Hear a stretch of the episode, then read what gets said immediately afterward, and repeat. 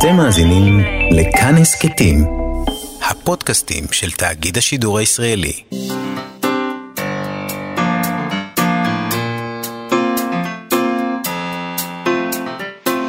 מה שכרוך עם יובל אביבי ומה יעשה לה. שלום, שבוע טוב, אנחנו מה שכרוך, מגזין הספרות היומי בכאן תרבות, מאיה סלע ויובל אביבי ב-104.9 ו-105.3 FM. אפשר למצוא אותנו גם ביישומון ובאתר של כאן, וכמובן ביישומוני ההסכתים. איתנו באולפן מפיקת התוכנית תמר בנימין ועל הביצוע הטכני רועי קנטן. שלום לכם ושלום יובל. שלום מאיה וחג שמח. חג אנחנו שמח. אנחנו מציינים היום את יום העצמאות של האימא הגדולה, המודל, ארצם של החופשיים והאמיצים, כמו שיום אחד אולי גם אנחנו נהיה, ארצות הברית של אמריקה שחוגגת 245 שנות עצמאות מהבריטים. שזה עניין נוסף שכמובן אנחנו פה ניצולי המנדט יכולים להזדהות איתו. אמריקה היא כל מה שמפחיד אותנו עם הקפיטליזם החזירי והאינדיבידואליזם הקיצוני והנימוס המזויף וגם כל מה שמושך אותנו עם הכסף הגדול, עם הביטחון העצמי הבלתי נגמר ועם התחושה המוחלטת שהם שליטי העולם. אז אנחנו עושים היום תוכנית לכבוד אמריקה, לכבוד ארצות הברית ולכבוד הקשר היהודי-עברי-ישראלי למדינת הפסים והכוכבים. אנחנו נדבר היום עם הסופר והחוקר מתן חרמוני, שעבודת הדוקטורט שלו עסקה בייצוגים של אמריקה בכתיבה העברית. נדבר עם דוקטור יעל מאורר על הספר החדש של קוונטין טרנטינו, שהוא איבד את ספרו, היו זמנים בהוליווד, אה, לספר. נדבר גם עם אלעד ברנועי שלנו בפינתו אלעד אינטרנשיונל על מגמות בכתיבה האמריקאית בשנה החולפת. אבל לפני כל אלה אנחנו הרי ישראלים, על כן הקיום של ארצות הברית חשוב ככל שיהיה דבר בפני עצמו, הוא קודם כל איך הוא משפיע עלינו, מה זה אומר עלינו כישראלים, האומה החשובה בעולם. אה, ועל כן, כדי לחגוג לארה"ב ביום חגה, אנחנו נציין עכשיו שבעה דברים נהדרים בעולם הספרות האמריקאי, האמריקני, שלא השכלנו לאמץ, ושלושה דברים איומים שדווקא כן. אז נתחיל עם הדברים הטובים, והראשון הוא אה, ספרות עיון פוליטית. מאות ספרים בסוגה הזאת מתפרסמים בארצות הברית, אה, מדי שנה הופכים לרבי מכר גם גדולים, ביוגרפיות על נשיאים, אוטוביוגרפיות של נשיאים לשעבר, דיווחים מתוך החדרים הסודיים של בכירי ממשל לשעבר, שנבעטו החוצה אה, ורוצים נקמה. פרשנויות מעמיקות של שדרני טלוויזיה בכירים, על תהליכי עומק בקונגרס ובסנאט, הרבה הרבה רכילות כמובן, נהדרת, עסיסית, מזוהמת, מענגת על האנשים ששולטים במדינה ואצלנו. 12 שנות שלטון הסתיימו אה, של נתניהו, אני לא רואה שמישהו, אולי עכשיו מישהו יושב ספון בחדר, אבל אף אחד, אה, אין פה את זה, לא כותבים. לא. אה, מתוך המשרד הסגלגל אה, של אה, ראש הממשלה שלנו, הישראלי, יכול להיות שאנחנו מפחדים, אולי אין לנו כסף. לז'אנר התובעני הזה, אה, ויכול להיות שזה גם פשוט לא מעניין את הישראלים. אני לא יודעת למה זה לא קורה כאן הדבר הזה. יכול להיות שזה קשור לזה שאנחנו מקום קטן. כן. ואנשים מרגישים רוצים... שהם מכירים את כולם כאילו? לא רק מכירים, אתה צריך להמשיך לעבוד. אז אתה אומר לעצמך, אוקיי, הייתי הדובר של נתניהו, עכשיו 12 שנה, אה, אני לא יכול לכתוב את הספר על, ה, על מה הלך שם בפנים, לא. כי אני רוצה עכשיו להיות גם הדובר של הרצוג, כן. אה, ואחר כך אני רוצה להיות דובר של מישהו אחר, ואני צריך לסתום כדי להמשיך לעבוד. אבל גם בארצות הברית הם צריכים אחרי זה לעבוד. אה, אבל הם כותבים ספר, הם יכולים להפסיק לעבוד אותו. נכון, בדיוק. או, זה הדבר השני הנהדר שלא השכלנו לאמץ מהאמריקאים, כסף, כסף, זה הדבר השני ברשימה שלנו, רווחים ממכירות, תמלוגי ענק, מקדמות, מקדמות, מקדמות, דבר שהיה פה פעם, אין יותר, מה, מקדמות, אתה משלם בשביל שיוציאו לך את הספר. אז נכון, גם בארצות הברית מספרים לנו כל הזמן כמה מעט סופרים מצליחים לחיות מכתיבה בלבד, ואיך הם צריכים לעשות כל מיני דברים, ושזה הולך ומידרדר, והייתה שנה קשה בקורונה וכולי וכולי, אבל עדיין יש שם המון המון כסף. אפשר להתעשר מכתיבה, אפשר, זה, זה אפשרי. אפשר לחיות טוב מכתיבה.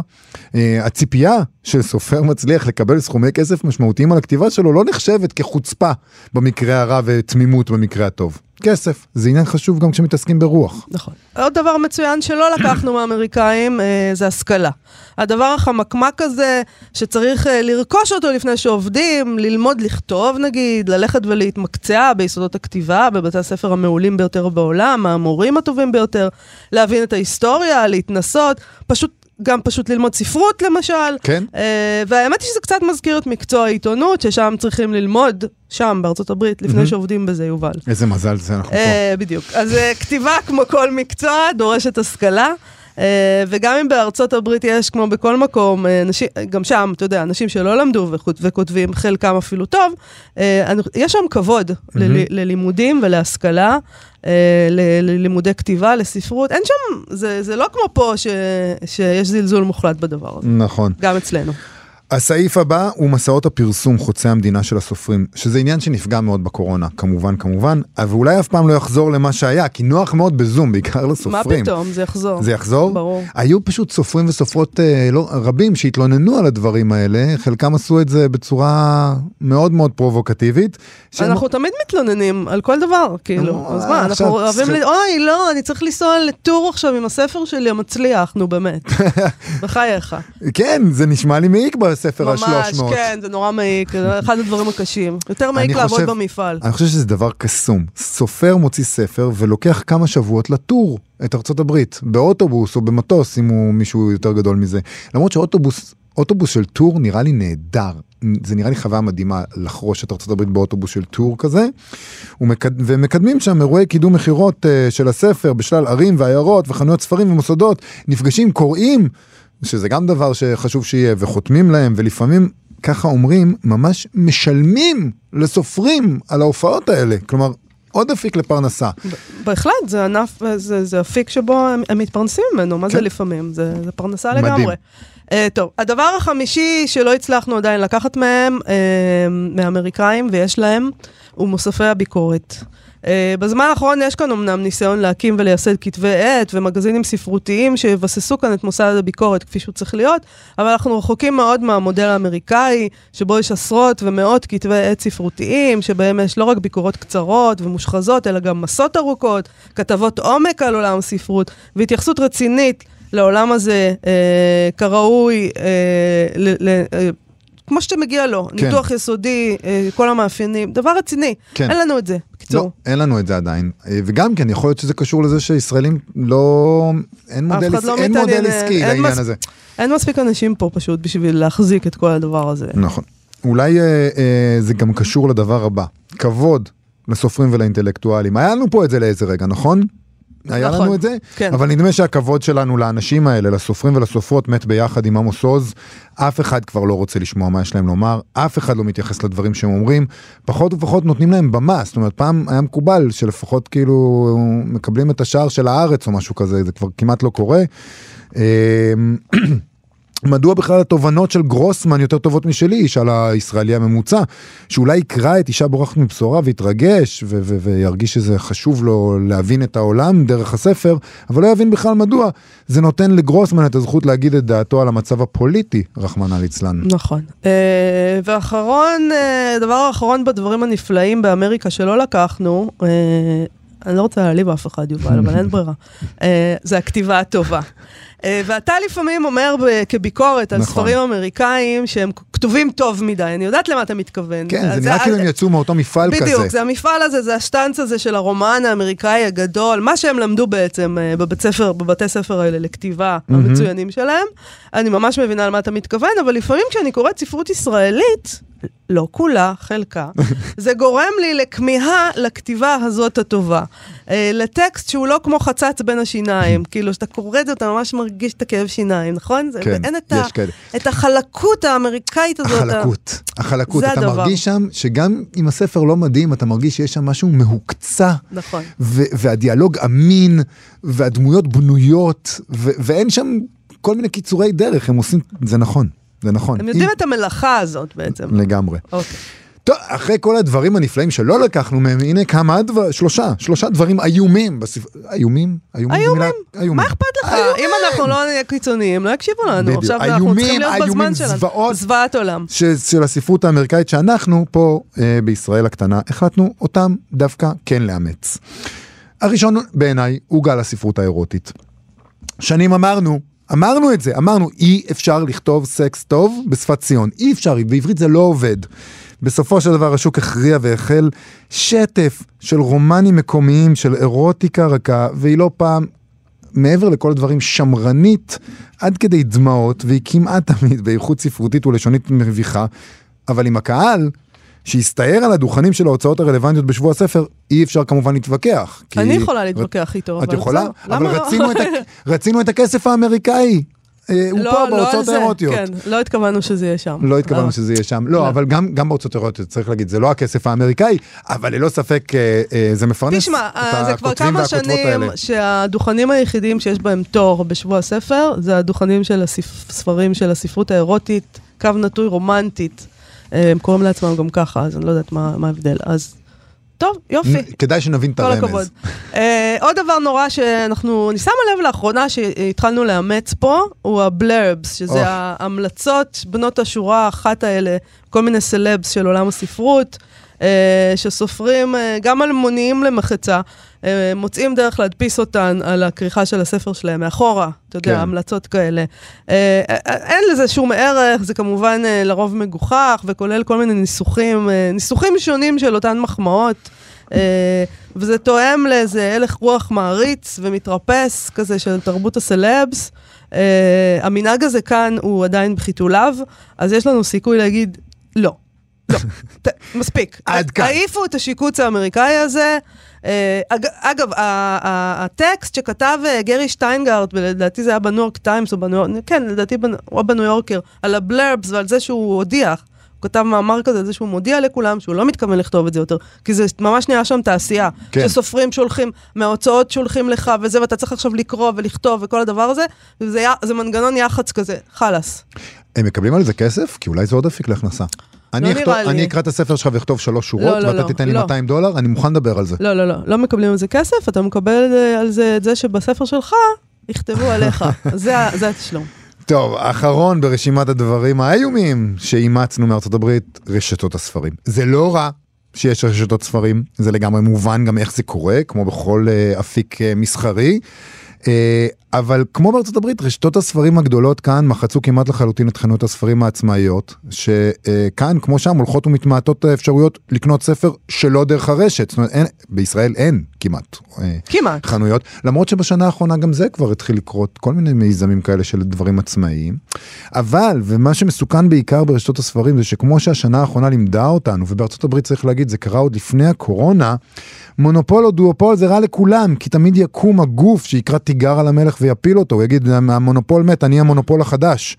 אה, אם האמזון הרגה את Barnes and Noble, אף אחד לא מוגן, אף אחד. תברחו. טוב, אה, בוא, נ- בוא נסיים עם סעיף בונוס, אה, שיהיה רשימות רבי המכר. אה, אנחנו רצינו מאוד מאוד לאמץ פה את הדבר הזה, שהתגלה כדבר די נורא, נוח להשפעה, מסחרי. הארץ אימצו את המודל של הניו יורק טיימס, שאמור להציע מידע אמין ואובייקטיבי, אבל אה, מה אפשר לעשות שמאז הגיע אמזון, שלה... בתוך אמזון יש עשרות ומאות רשימות רבי מכר שהופכות את כל העסק לחסר כל ערך או משמעות. אתה יודע, אתה יכול פשוט לייצר שם קטגוריה, ואז להיות ראשון בקטגוריה הזאת שהמצאת עכשיו. אה, אז, אז הנה, פה בארץ אה, כאילו השכלנו להעיף את הדבר הזה, ובעצם אין לנו יותר רשימות רבי מכר. אה, האם זה בגלל שאנחנו חכמים יותר מהאמריקאים? כמובן שלא, פשוט אין כאן יותר רבי מכר. אה, וכנראה שהגיחוך במעשה גבר על הרצון לעשות הצגה כאילו אנחנו אמריקאים. כך שבעצם העובדה שאין כאן רשימות רבי מכר היא קצת מצערת, אה, כי היא מעידה על מצב השוק הנוראי. כאילו רב מכר פה זה ספר שמכר 500 עותקים או כן. משהו. אה, אז זה כבר אז נהיה יש איזה שלושה דבר או מוזר. ארבעה צדדים למטבע הזה של רשימות יש רבי המכר. המון המון צדדים לדולר, ולכסף אין ריח.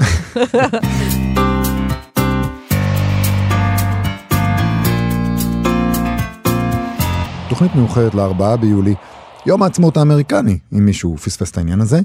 בעבודת הדוקטורט, בעבודת הדוקטורט שכתב, הסופר מתן חרמוני מצביע על עניין משעשע. משעשע לכאורה. הספרות העברית, ככה הוא פותח את עבודת הדוקטורט שלו, הספרות העברית שמתחילת דרכה מבקשת כמובן לייצג את הלך הרוח של העם היהודי, פשוט התעלמה מהמגמה המרכזית בראשית דרכה. הרוב המכריע של היהודים בחר להגר לארצות הברית, אבל הספרות העברית בחרה בארץ ישראל כמוקד של העשייה שלה. הוא כותב, בעוד הספרות העברית שמה לה למטרה לתת ביטוי לתמורות בחיים היהודיים, מגמה היסטורית משמעותית זו נותרה מיותמת כמעט לחלוטין בספרותנו. ככה הוא כתב. אז איך באמת אמריקה מיוצגת בספרות שלנו? כיצד זה השתנה עם השנים? הסופר, דוקטור מתן חרמוני, איתנו כדי לנסות לענות על זה. שלום, מתן חרמוני. שלום, שלום. וחג עצמאות שמח. חג חג שמח, שמח. מתן. טוב שבאת לחגוג איתנו. כן, כן, אנחנו מעבדות לחירות. ממש. בוא נזרוק את כל המיתוסים פנימה, נערבב. איזה, בוא, כן. בוא, בוא נשאל בעצם, אילו דימויים יש לאמריקה בכתיבה העברית אז? זאת אומרת, מה הם עושים? מה, מה הם עושים כשהם, כשהם מחליטים, אין אמריקה, אנחנו בישראל, זה הכיוון שלנו. תראה, עוד לפני שהחליטו אין אמריקה, אנחנו בישראל החליטו אין אמריקה. אמריקה כמעט לא מוזכרת בכתיבה העברית של המאה ה- אה, המאה ה-19. היא מוזכרת בספר גיאוגרפיה ראשון של קלמן שולמן מ-1871, כן? אה, ולפני זה כמעט ולא כתבו עליה. יל"ג, י"ל גורדון, שהוא כותב את, אה, את קוצו של יוד, אז יש את הבחור הלא כל כך נחמד, שבורח מבת שועה, האישה המשכילית הזה, ולאיפה הוא כמובן בורח? לאיפה שכל ה... טיפול, כל האנשים שבורחים מהנשים שלהם נוסעים לאמריקה.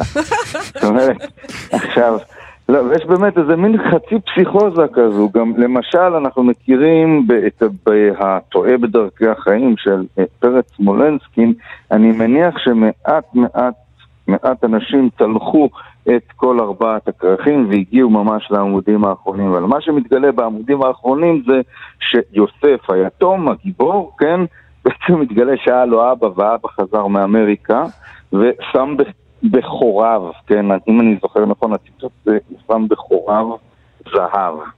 כלומר, בכיסים, לא כמו אה. ב... כן, לא כמו בסרט של השכן החדש, קוונטין טרנטינו עם השעון, אלא, זאת אומרת, היה איזה מורשת, כן, היה איזה מורשת של זהב ושיגעון שאמריקה... אבל זהב זה טוב, זאת אומרת, אם אתה חוזר היה עם זהב, בעלה לזהב. אם זה- אתה חוזר מאמריקה בדיוק. עם זהב בכיסים, זה נהדר. אבל אתה מגיע גם עם השיגעון. אוקיי? בסדר, צריך לשלם משהו. אמריקה הייתה מחוץ, כן. אה, האמת שמי שנסע לאמריקה בדרך כלל לא חזר, כן, ואז התפתח, אבל אמריקה הייתה מחוץ לטווח ה... אה, לטווח השכל של ההשכלה, ומחוץ לטווח הסמכות הרבנית. זאת אומרת, לא ידעו מה הולך שם בכלל, וזה משהו שהולך ומאוד מאיים. בעצם לכל אורך המסורת של הספרות העברית, אם אתם זוכרים, גם בסוף דבר של יעקב שבתאי, לאימא של אה, אה, אה, הגיבור בסוף דבר, מאיר ליפשיץ, כן? היה לה איזשהו מאהב שהיה באמריקה, כן? וליפשיץ אחר מאותה שנה, לאימא של יונתן ליפשיץ, של אה, מנוחה נכונה של עמוס עוז, כן. גם היה איזשהו מאהב. אז, אה, אז באמריקה, אומרת, יש עוד מאהב, יש את הדוד מאמריקה, שזה כסף צריך להיות, כן. ויש את המאהב מאמריקה. זה- ה- כן. וזה משהו שנמשך ממש מה- אה, אה, מהמאה ה-19, כן. אז רגע, לא שינינו בכלל את היחס שלנו, אתה אומר? כל השנים האלה עברו, כתבנו, התקרבנו לאמריקה, הערצנו אותה, הפכנו די דומים לה במובנים מסוימים, ולא הצלחנו ל- ל- לשנות את הדימוי הספרותי של אמריקה? אה, אמ, לא חשבתי על זה האמת בכיוון הזה. אני חושב שאמריקה יותר נגישה היום מבחינת עולם הדימויים. זאת אומרת, אה, סופר עברי יכול לכתוב היום בצורה נוחה על אמריקה, על ההוויה של אמריקה, אוקיי? תחשוב שב-1930 למשל, בערך, כששלונסקי מפרסם את אבני בוהו, כן, עוד אין ממש מילה לגורד שחקים. Mm, אה, אוקיי, עוד אין את אוקיי. המילה גורד שחקים. שלונסקי קורא לזה מקרצפי השחקים, נדמה לי שביאליק קורא לזה אה, מגרדי השחקים, אוקיי? אה, יש לביאליק שיר אחד מאמריקה, ינסר לו כלבבו. אה, אז זאת אומרת, בכלל לא היה, לא לנו, את, לא לנו את. עולם המושגים, אבל, וכשחושבים על זה, זה, זה הגיוני, זאת אומרת, כשאנחנו באנו לכאן, לארץ ישראל, לא היו שני, אם אתה מסתכל על ניו יורק של אז, היא כבר הייתה מקום, היא כבר הייתה, היו גורדי שחקים, היה את הכל, היו גורד- היה ופה לא היה כלום. אה, נכון. אה, פה היו תקוות גדולות ואכזבות גדולות, שם היו כנראה תקוות גם גדולות וגם אכזבות גדולות, אבל, אבל גם בניינים גדולים וגם איזשהו עולם מודרני, והעולם הזה גם תמיד שיגע, שיגע את ההוגים כאן. למשל ברנר שנא שנאה איומה את אמריקה, איימה עליו בכל אה, ישותה, ו, אה, ואפשר לראות שבהרבה מאוד דברים אה, אה, סירבו, סירבו לקבל. אז, אה, אז בעצם לא הייתה משאת נפש, כמו שהיום הברית היא מין משאת נפש כזאת, לא יודעת אם עדיין, אבל עד לפני כמה שנים זאת הייתה משאת נפש. ואז בעצם היא אה. לא הייתה כזאת. היא לא, לא, זה היה משהו מאיים ולא... מאיים וקצת... אה, מאיים ומפחיד, זה המקום שבו אה, אה, כל הערכים פשטו רגל, ואיזשהו הספרות, כידוע, אנחנו חיילים טובים בספרות העברית. אנחנו, אה, אה, אנחנו מאוד אידיאולוגיים, אנחנו מאוד מוסריים, וכל מה שהיה באמריקה נתפס כזר ומאיים, בעצם ממש מראשיתה של הספרות המודרנית. כי איך שהתחילה הספרות המודרנית, התחילה המגמה לכיוון ארץ ישראל של הספרות העברית, והתנועה העממית שהלכה ל... אה, אה, אם אפשר לספר משהו משעשע, כן? בד- ברור, בשביל זה אלא אנחנו פה. מה? כן. בדיוק, כן, לא, אה, אה, אני יודע, משעשע אותי זה שעשע. בכל מקרה, הספר הראשון המעניין, ש, אה, או השלם ביותר שנכתב על אמריקה, זה היה מין מדריך שנקרא רומניה ואמריקה, שכתב מישהו בשם אהרון יהודה לייב הורוביץ. רומניה אוקיי. ואמריקה? רומניה, או אפילו יותר זה רומיניה ואמריקה, כי בשנות ה-70 היה, אה, היו פוגרומים ברומניה. עכשיו, אם זה מתחיל להישמע לכם מוכר, אז אה, עוד מעט נגיע לפאנצ' ליין, כן? אוקיי. אה, היו פוגרומים ברומניה, ופרץ מולנסקין יצא, אה, יצא לכתוב מאמרים על המצב של היהודים, הוא כתב על דבר מלאכותי לרומניה, ובעצם מרומניה יצאו ראשוני המהגרים, והיה מישהו ששמו היה אהרון יהודה לייב הורוביץ, שכתב להם עם ספר הדרכה, שנקרא רומניה ואמריקה, והוא נותן שם גם כמה מרוויחים, בתור ענבר, בתור זה, בתור... עכשיו, הנה אנחנו מגיעים לעניין המשעשע, אותי שעשע לפחות. אני מנסה להיזכר איפה אני יכול למצוא את השמות, את כל. את כל המראי מקום האלה, וכן הלאה והלאה והלאה, ומהבוקר אני מנסה להיזכר, ופתאום נזכרתי שזאת בעצם עבודת הדוקטורט של יהודי טרדלר, או יהושע והדבורה, הרומן, כן, הקודם שלי, שפילפוגל, שפילפוגל, וממש שנייה לפני שהתקשרתם, מצאתי את הערת שוליים 17, אה, 17, אה, סליחה, הערת שוליים 18, שמביאה את הדברים האלה, בעצם את כל ה... אה, כן, אני חייב לומר שזה היה משעשע למדי. אני אה, רוצה לשאול אותך לסיום, אה, שאלה כללית כזאת. אנחנו מדברים כל הזמן, אתה, אתה, ככה אתה פותח את, ה, את העבודה שלך ששלחת לנו, אתה, אנחנו מדברים כל הזמן על זה שהספרות אמורה לייצג את ההווי של הלאום. והרי זה, סליחה, זה ברור לחלוטין שזה לא, אה, זה, הספרות אה, בגדה בעצם בקוראים שלה. אה, היא עשתה להם שטיק, סיפרה להם אה, כל מיני סיפורים אה, מזויפים על מה זה אמריקה, נתנה להם, מכרה להם נרטיבים אה, fake news, כדי שהם יישארו פה ויפריחו את השממה ב, עם כל האכזבות הגדולות. אה, לא, עשתה, לא, לא שיקפה את המהלך של החברה היהודית. אה, הייתי נשמע מאוד נרקיסיסטי אם הייתי אה, אה, אומר שאת הספר הראשון שלי פתחתי עם האמירה של, הג- עם הפתיחה של עגנון בתמול שלשום, כמו שאר אחינו זה וזה, עלה יצחק קומר לארץ ישראל, כן, ואני אמרתי שהגיבור נסע ל- אה, לארצות הברית. כן. אה, יש פה בהחלט איזשהו... אה, אני לא הייתי אומר שמעשה רמייה, אבל יש פה ספרות מאוד מאוד מכוונת, מאוד מאוד מגמתית, עם תפיסות מאוד מאוד, אה, שמאוד דורשת ליישר תפורות. בהרבה מובנים אה, גם היום באיזשהו אופן. נכון, נכון. טוב, מתן חרמוני, תודה רבה לך על השיחה הזאת. אנחנו נשארים, עם. אנחנו נשארים עם דימוי מאוד מאוד אה, מסובך של ארה"ב, כן, עד היום. אנחנו אה, נשארים עם דימוי כזה של אה, משהו שנורא נורא מפחיד ומשהו שנורא נורא מושך. חג שמח. חג עצמאות שמח. אה, חג שמח. להתראות, תודה.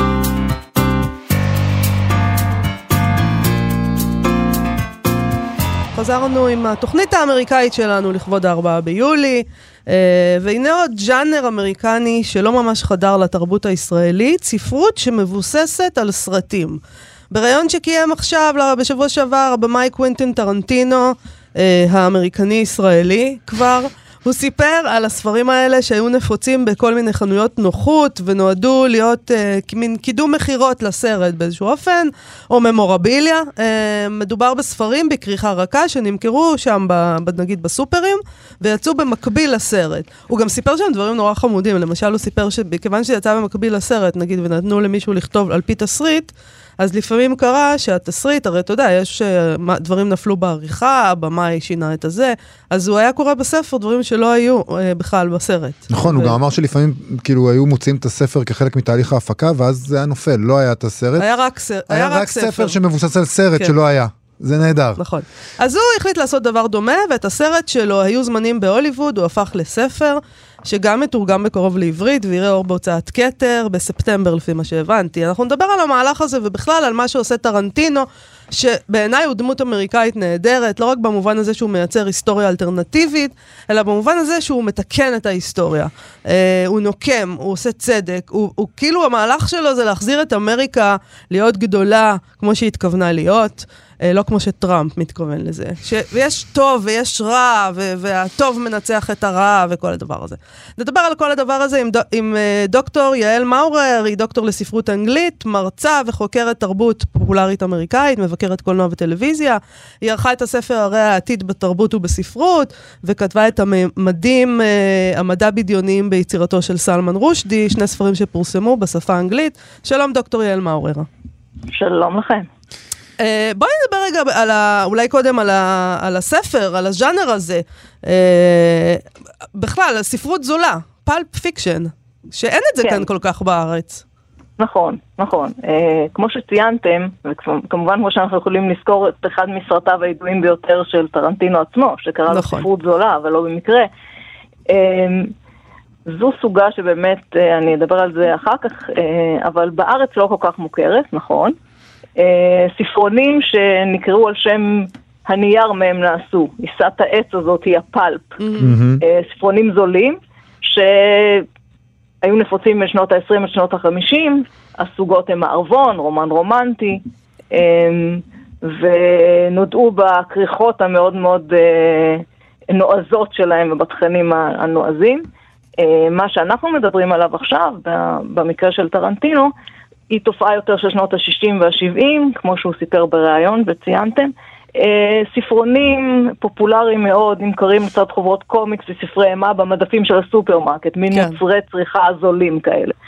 אה, וכפי ששמתם לב בוודאי, זה מין תופעה תרבותית שמכירים אותה אנשים בערך בגילו של אה, טרנטינו שהיו נערים בשנות ה-70, נכון. בעיקר סוגה כזאת שמכוונת לנערים. אבל נוסטלגיה אה, זה עניין חשוב אצלו, הוא, הוא מאוד מאוד בהחלט, אוהב את הדברים בהחלט. האלה באומנות שלו, מאוד מאוד חשוב לו נכון. לדבר, לדבר על הדברים שהוא עצמו אוהב מהעבר. נכון מאוד, והוא, אה, לכן אה, באיזשהו מידה אפשר להגיד שמה שהוא עושה עם הספר הזה זו מחווה לאותם, אה, לזמ, לזמן שהוא היה נער ונהנה כל כך מהספרים האלה. אה, גם מה שבולט מאוד אצל טרנטינו, הוא שהוא הופך את ההגדרות בין מהי ספרות גבוהה לספרות נמוכה. למשל, אם שמתם לב, ברעיון הזה הוא מדבר על uh, ספר שנעש, ש, שנעשה על פי הסרט uh, אורקה, שזה מין כן. uh, חיקוי של מלטעות, והוא אומר זה יותר טוב מהספר מלטעות. זאת אומרת, הוא עושה היפוכים כאלה, נכון, נכון. בין גבוה לנמוך, בין מה אנחנו תופסים כ, כתרבות גבוהה לבין מהו תרבות נמוכה. מאוד מאוד משחק בדבר הזה.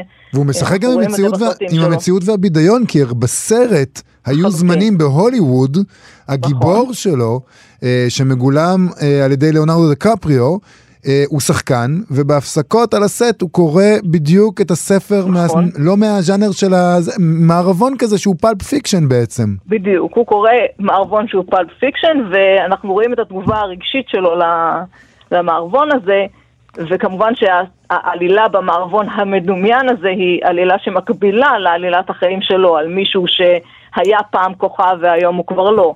אז ג- המשחק הוא גם פנימי בתוך הסרט ובתוך הספר המדומיין בתוך הסרט.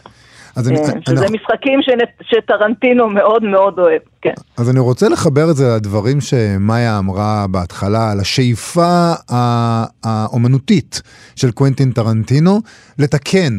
לחזור לעבר טוב, לחזור לעבר יפה, זה החלק הנוסטלגי, אבל גם בעצם לסדר את הדברים באומנות שלו, הוא אומר בואו, בואו נדאג לזה. ולנקום. לנקום, בדיוק, בואו נדאג לזה ש, שנוכל... לנקום בגרמנים, לנ- לנקום בבעלי הנאצים, העבדים. בדיוק, לנקום ברוצחים. שרון טייט לא תירצח. בדיוק, הוא נורא נכון. רוצה, ל- עולם, בעצם הוא, הוא קצת אידיאליסט כזה, הוא נכון, רוצה הוא פטריוט אמריקאי. הוא פטריוט אמריקאי. הוא- פטריוט אמריקאי מהגוון הלא טראמפי. נכון. שמתם לב, הוא הכניס לטראמפ גם... אה, אה, יש, אה, כמובן שהוא בא מהצד השני אה, של המפה, אבל כן, יש לו את הרצון הזה לתקן, כפי שאמרת, לסדר את ההיסטוריה. היסטוריה אלטרנטיבית אה, לפעמים הולכת דווקא לצד ההפוך. נכון. זאת אומרת, הכיוון שלה הוא, הוא דווקא דיסטופיה. מה, מה היה קורה לו היטלר היה מנצח, למשל? נכון. ומה שטרנטינו עושה זה, רגע, רגע, בוא, בוא נעצור רגע, מה היה קורה לו שרון טייט לא הייתה נרצחת? ואיך אומרת, דואגים יש- לזה? איך אוי. נדאג לזה ששרון טייט לא מה- זה מה תרצח? שכל כך איך- משמח בסרטים שלו, כאילו, נכון. שלרגע זה נדמה שאפשר אה, לעשות צדק. נכון, אפשר לעשות צדק, תגידו צדק פואטי, כי זה במסגרת הבדיון הצדק הזה נכון, קורה. נכון. אני רוצה לשאול רגע שאלה קצת גדולה אולי, אה, על האומה האמריקנית. זאת אומרת, עד כמה באמת אה, התפיסות האלה, עד כמה קוונטין טרנטינו באמת יכול אה, אה, לייצג תפיסות כאלה של make America great again, שהם לא, כמובן לא טראמפית, אבל באמת עד כמה זה, זה מה שהוא מייצג את הדבר הזה בתרבות? אה, שוב, הש... כפי שראית, ה... יש לו אה, מעריצים רבים, אבל אנחנו יכולים לנחש אולי מאיזה, שהם באים מכל מיני כיוונים. יש שאוהבים אותו ודאי בגלל האלימות האקססיבית בסרטים שלו, בגלל, דווקא בגלל הסרטים שהם כל כך סרטי אקשן, אפשר לראות אותם, אה, ואני בטוחה שיש רבים שנהנים מהם, דווקא בגלל האלימות המוגברת הזאת, ודווקא בגלל ה- הדרך שבה הוא לא בוחל בלהראות סצנות מאוד מאוד אה, קשות. ויש, כמו שאתם אומרים, אה, תפיסה שלו באמת כמישהו שהוא מתקן עולם. אני חושבת שזה היה בולט במיוחד בג'אנגו אנצ'יין, שבו הוא, נכון. ג'אנגו ללא מעצורים, שבו באמת אה, הוא משתמש בסוגה של המערבון כדי לתקן את העוול ההיסטורי הזה. גם את זה הוא עושה תוך, אה, באמת בשימוש בסצנות קשות לצפייה לפעמים, אבל אה, הרצון הוא באמת להגיד, אני יכול לתקן את העוול הנורא הזה בהיסטוריה. ובאמת רואים את זה מאז נגיד אה, ספרות זולה וסרטיו הראשונים, עכשיו אנחנו באמת רואים שבכל סרט שלו הוא... הוא מטפל באיזה מיתוס אמריקני גדול, הוא מטפל נכון. במאבק בנאצים, הוא מטפל בעבדות, הוא מטפל נכון. ברצח שרון טייט, שזה דבר מאוד מאוד גדול עבור האמריקנים, אנחנו אולי לא לגמרי שותפים לזה. בטח אבל- ששותפים. שותפים, מה זה? שותפים, סליחה. מנסון. בחייך, מה אה, איתך? אז אז זה- זה פרשייה... השאלה מי- מאיתנו שותף. כן. אז זה פרש... אז הוא, הוא אומר בעצם בסרטים שלו גם, תקשיבו, אני, אה, אני הולך לטפל במה שמגדיר אותנו כאמריקאים. נכון, נכון. ואני חושבת שיפה מאוד, כפי שאמרת, אם אנחנו מס- מסתכלים על שם הסרט אפילו, מהמם. זה היו זמנים בהוליווד תורגם, תרגום יפה, כן. אבל זה once upon a time נכון. in הוליווד. זוהי מין, זה פתיחה של אגדה, זאת אומרת זו אגדה על אגדות הוליוודיות. זה אופציה ונכון. כזאת, גם ככה אולי היה. אה, באיזה גם ככה עולם. יכול אולי היה להיות, נכון, והאגדה ההוליוודית, נכון שעבורנו אולי פחות מוכרת, אבל uh, רומן פולנסקי, כן, יותר מוכר לנו אני ברור, חושבת, ברור. ובגרסת הספר למשל הוא מרחיב הרבה יותר על רומן פולנסקי, אה. על תינוקה של רוזמרי, על כל הסיפור של הסרט, ונותן בפי שרון טייט, דמות של שרון טייט, מילים מאוד מעריצות על בעלה, שיוצר אומנות. שהוא יוצר פילם ולא movie, זאת אומרת משהו שהוא... וואו, הוא אני כל כך על- אקרא את הספר הזה. אז הוא עושה בעצם את מה שהוא אני אמר. רוצה להזמין את קוונטין טרנטינו ל- לאולפן הוא לראיון. פה, אה, הוא שכן שלנו, על זה לא בעיה. הספר, בדיוק. עד אז כן. הוא- אין, אני... תפגשו אותו בסופר. בדיוק. בדיוק. דוקטור יעל מאורר, תודה רבה לך על השיחה הזאת. תודה רבה. תודה רבה, להתראות. להתראות.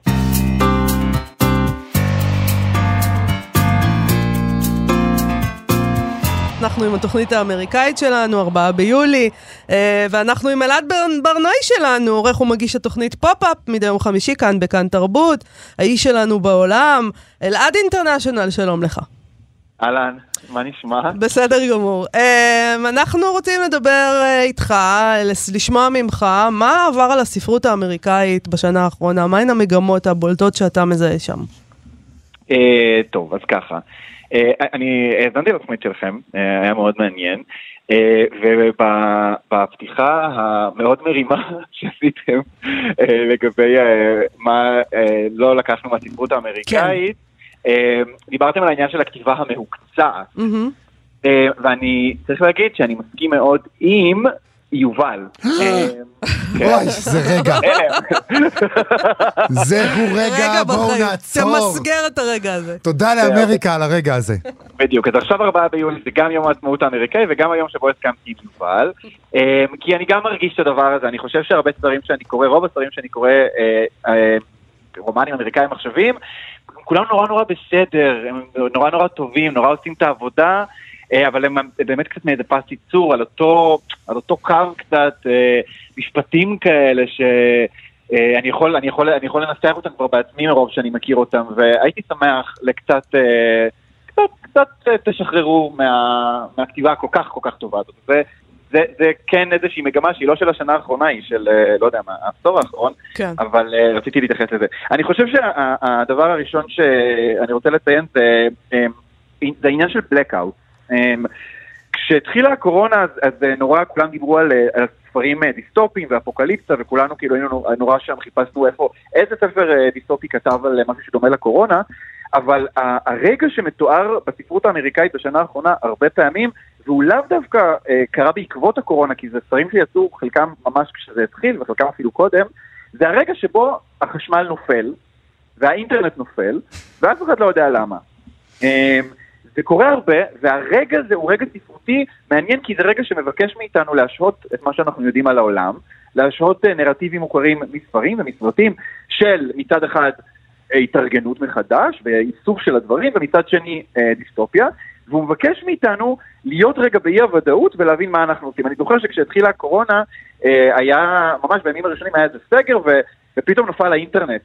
ואני ממש זוכר שהתחלתי לשמוע צעקות מהרחוב, אמרתי לעצמי, הנה זהו, זה התחיל, זהו, הם עולים לפה, הם עוד רגע אבל הולכים זה- לקחת זה רק אותי. היה חזירים אבל במקרה זה הזה. באמת, זה באמת... זה אה, היה בתל אביב, אני חייב אה, להודות, אוקיי. אבל, אבל, אבל זה כן היה רגע שבו ישבתי ואמרתי לעצמי, איזה, איזה נרטיב הולך להיות עכשיו? כן. האם אני עכשיו נכנס לאפוקליפסה? כי מה שאנחנו תמיד אמרנו בשנה האחרונה זה שיש לנו מ- מגפה מפונקת, יש לנו אינטרנט, יש לנו...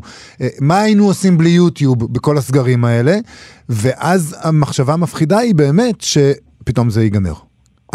אל, תיקחו לנו את הרגע האינטרנט. הזה הוא, הופיע בכמה ספרים, אה, אה, אני, אזרוק שמות, The Arrest של ג'ונתן לפם, Leave the World, World Behind של רומן עלם, אה, Children's Bible של לידיה מילט, בכולם זה אותו סיפור. יש איזשהו רגע שלא מבינים מה קורה, וגם אם לקראת הסוף אנחנו כן מבינים, השהות ברגע הזה היא משמעותית. אגב, ראיתי סדרה עכשיו שעלתה בנטפליק, היא נראית מזעזעת, קוראים לה Wake, והיא גם משחקת על, על, על רעיון דומה, אז נראה לי שזה זה איזושהי מגמה שאפשר אה, אה, לסמן, Blackout. עוד אוקיי. מגמה שזיהית בשנה האחרונה?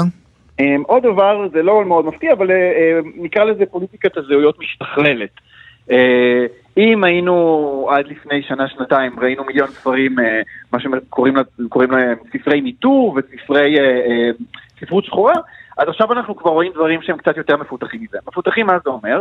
זה אומר מצד אחד ספרים שהם גם עושים כזה intersection בין זהויות שונות, וגם כאלה שהם לוקחים דמות נגיד כמו של אישה טרנסית והם עושים איתה איזשהו מהלך נורא נורא קיצוני כמו detransition, שזה ספר שדיברנו עליו בפעם, בפינה הקודמת, וגם כל מיני קבוצות שעד עכשיו לא היו מאוד מיוצגות בספרות האמריקאית המרכזית, שנכנסות ונהיות מיוצגות מאוד. אה, שתיים מהם זה הספרות האסייתית, שכרגע פחות או יותר זוכה בכל פרסי הספרות האמריקאים. אה, יש את אה, DMZ Colony שזכה ב-National Book Award ואת Interior Chinatown, אלה גם ספרים שדיברנו עליהם בפינה, אלה ספרים מאוד מאוד מרכזיים, סופרים סינים, סופרים קוריאנים ווייטנאמים, הם תופסים מקום מאוד מרכזי עכשיו בבמה המרכזית של הספרות האמריקאית, והספרות הילידית האמריקאית, מה שפעם היה מכונה ספרות אינדיאנית, אה, לדעתי היא עכשיו ממש ההתפוצצות הגדולה. שזה כמובן דברים שאתה דיברת עליהם. על שני הדברים האלה, כן. אצלנו, וכבר סימנת כן, אותם מראש, והם אכן התרחשו.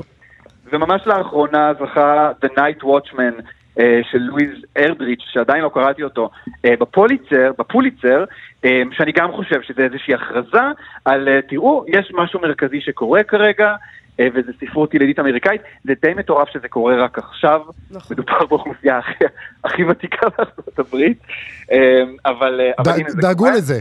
דאגו כן, לזה. דאגו לזה. יש לנו כן, זמן כן. לעוד uh, מגמה אחת uh, קצרה שקרתה לדעתך בשנה האחרונה באמריקה? Um, אז אני אלך על... Uh, נדבר על זה שיש... Um, טוב, זה חשוב. מיליון ספרי עיון בנושא אסון האקלים. Um, זה פשוט, uh, אי אפשר להתעלם מזה. יש עשרות, אה, מאות, אה, אלפי ספרים בנושא הזה.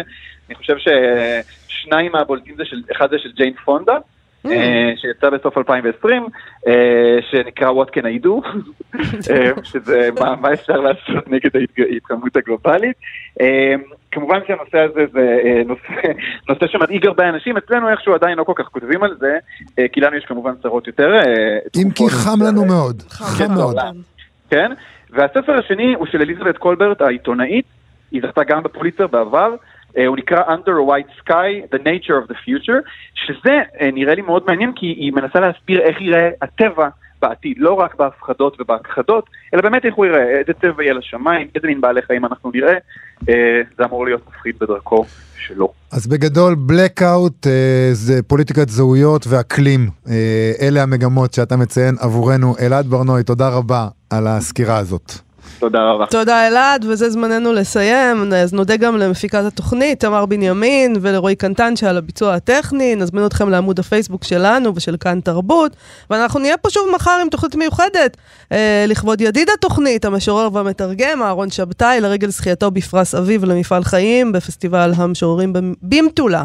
להתראות. להתראות. אתם מאזינים לכאן הסכתים, הפודקאסטים של תאגיד השידור הישראלי.